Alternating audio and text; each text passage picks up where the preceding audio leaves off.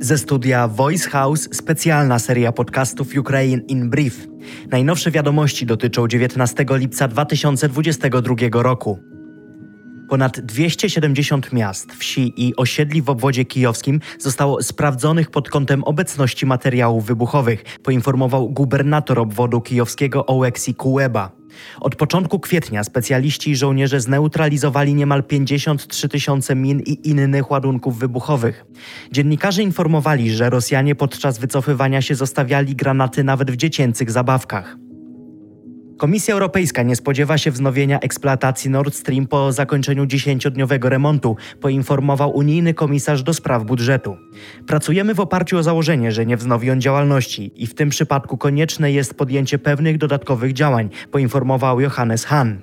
Wcześniej agencja Reutera informowała, że rosyjski Gazprom przekazał klientom w Europie, iż nie może zagwarantować dalszych dostaw gazu gazociągiem Nord Stream 1 z powodu nadzwyczajnych okoliczności.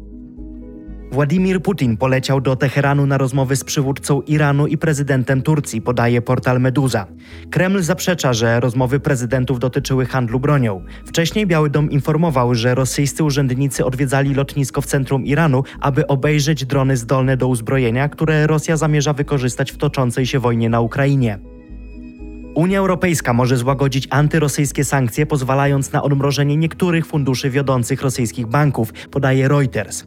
Są to aktywa, które mogą być potrzebne do rozwiązania problemów w światowym handlu żywnością i nawozami. Rosja utrzymuje w gotowości trzy okręty rakietowe i 24 pociski manewrujące na Morzu Czarnym, podaje ukraińskie dowództwo operacyjne. 14 lipca trzy rakiety typu Kalibr uderzyły w centrum Winnicy w środkowej Ukrainie. W wyniku ostrzału zginęło 25 osób. W ślad za Norwegami, Litwinami i Polakami również Kanadyjczycy zaczęli zbierać fundusze na dron bojowy Bayraktar dla Ukrainy. Chcą zebrać pieniądze do Dnia Niepodległości Ukrainy, czyli do 24 sierpnia.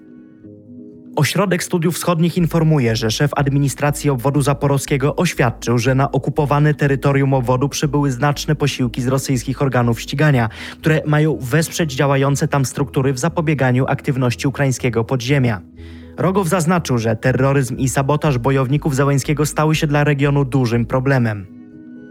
To było Ukraine in Brief od Voice House. Kierownictwo produkcji Dorota Żurkowska. Redakcja Agnieszka Szypielewicz. Dystrybucja Olga Michałowska.